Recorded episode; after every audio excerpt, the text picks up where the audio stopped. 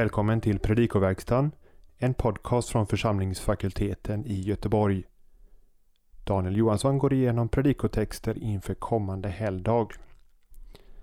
Jag vill påminna om en nybörjarkurs i hebreiska som ges på FFG i höst. Man anmäler sig senast den 16 augusti till mejladress info.ffg.se. Gå in på vår hemsida www.ffg.se för mer information. Men nu Daniel Johansson. Tredje årgångens evangelium för tionde söndagen efter trefaldighet hämtar vi i Lukas kapitel 9, vers 46 till 48. Vi börjar med att gå igenom de tre verserna språkligt och vi börjar i den första versen, vers 46. Substantivet dialogismos översätts i regel med diskussion eller dispyt, även om grundbetydelsen är tanke. I nästa vers 47 däremot, där det står att Jesus kände ton dialogismon tes cardias auton, måste ton dialogismon översättas med tanke. Deras hjärtas tanke. Men för att tydligt få fram sambandet mellan verserna är det nog ändå lämpligt att översätta med tanke i båda fallen. Frågan är också om lärjungarna verkligen börjat öppet diskutera saken eller om de var för sig tänkte. Vers 47 antyder väl ändå det senare.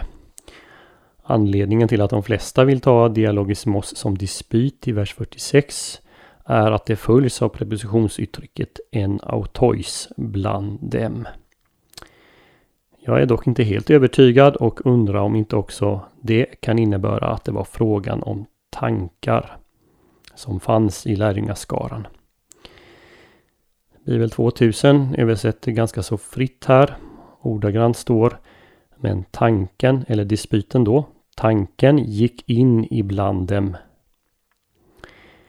Det finns en liknande konstruktion i Lukas 22, vers 3. Eis elfen de satanas eis jodan, men Satan gick in i Judas. Tanken som går in i lärjungarna uttrycks sedan i nästa sats. Totis an eje meitson auton.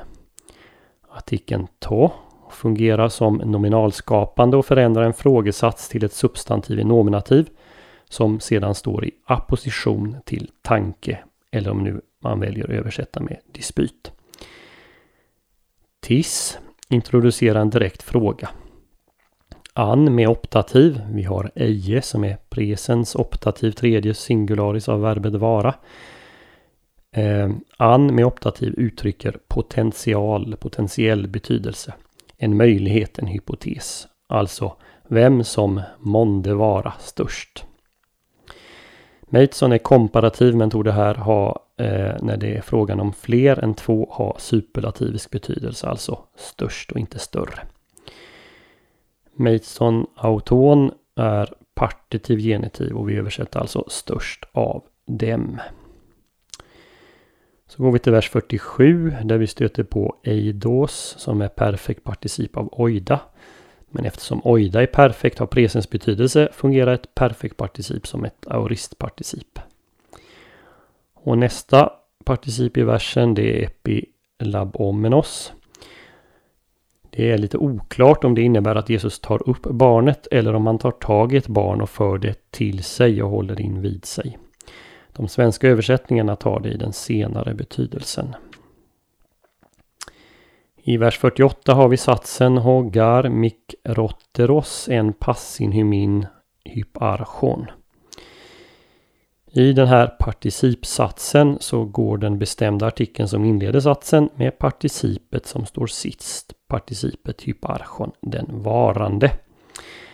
Den varande, vad den varande är, det bestäms av det som står däremellan. Mikrotteros en passin hymin.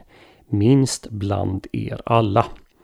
Mikrotteros är också komparativ men har liksom eh, tidigare vi hade i vers eh, 46 eh, en superlativisk betydelse.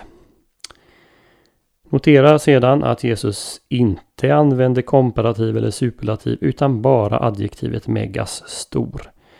Ty den som är minst bland er, han är stor. Folkbibeln översätter här av någon obegriplig anledning med störst. Men det är adjektivet utan eh, jämförelse som eh, används, alltså stor. Den här episoden följer direkt efter Jesu andra lidande förutsägelse i Lukas. Den första finns i samma kapitel i vers 22. Lärjungarna förstår inte det här Jesus säger, berättar Lukas i vers 45. Och istället så uppstår tankar om vem som är störst.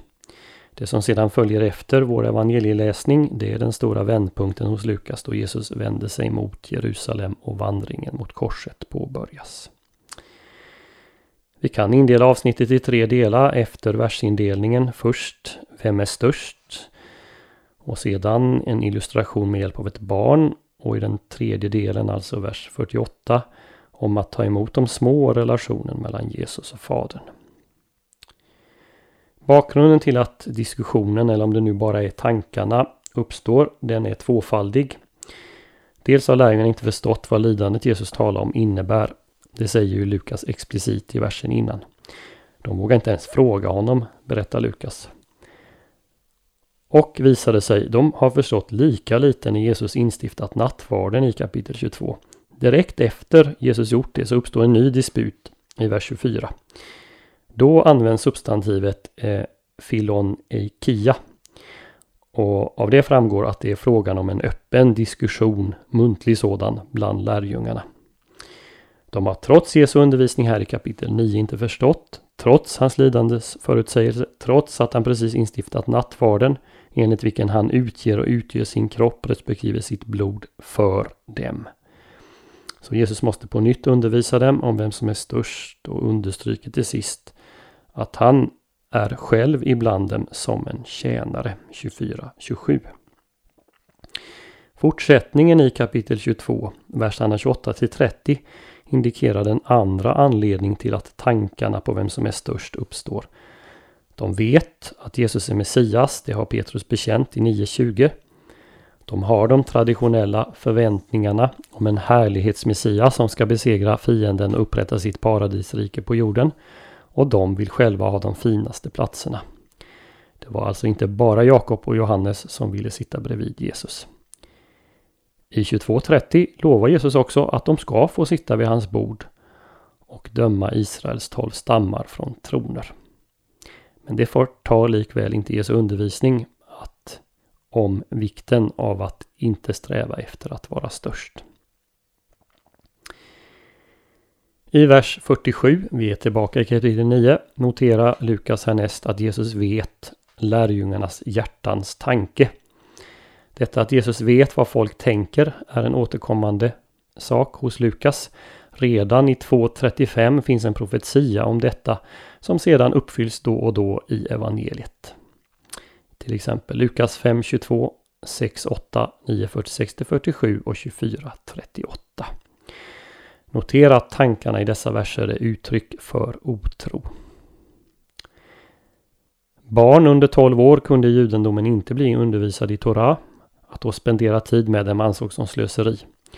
I en rabbinsk källa kan man läsa sovmorgon, vin vid middagstid, småprat med barn och sölande på platser där vanligt folk samlas förstör en man. Men Jesus han drog sig inte undan barnen. Istället tar han nu fram ett barn som exempel. Istället för att avvisa barnen eh, så lär han att man ska ta dem till sig.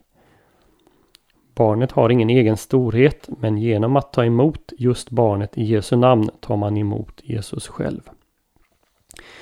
Barnet fungerar här som en perfekt illustration av den minste ibland er. Uttrycket epi eh, to onomatimo eller en to onomatimo är återkommande i Lukas. För dessa ställen ser pdfen till den här podden på vår hemsida. En del menar att det här betyder på grundval av och åsyftar vad Jesus precis har gjort. I så fall är poängen att lärjungarna ska göra detsamma som Jesus.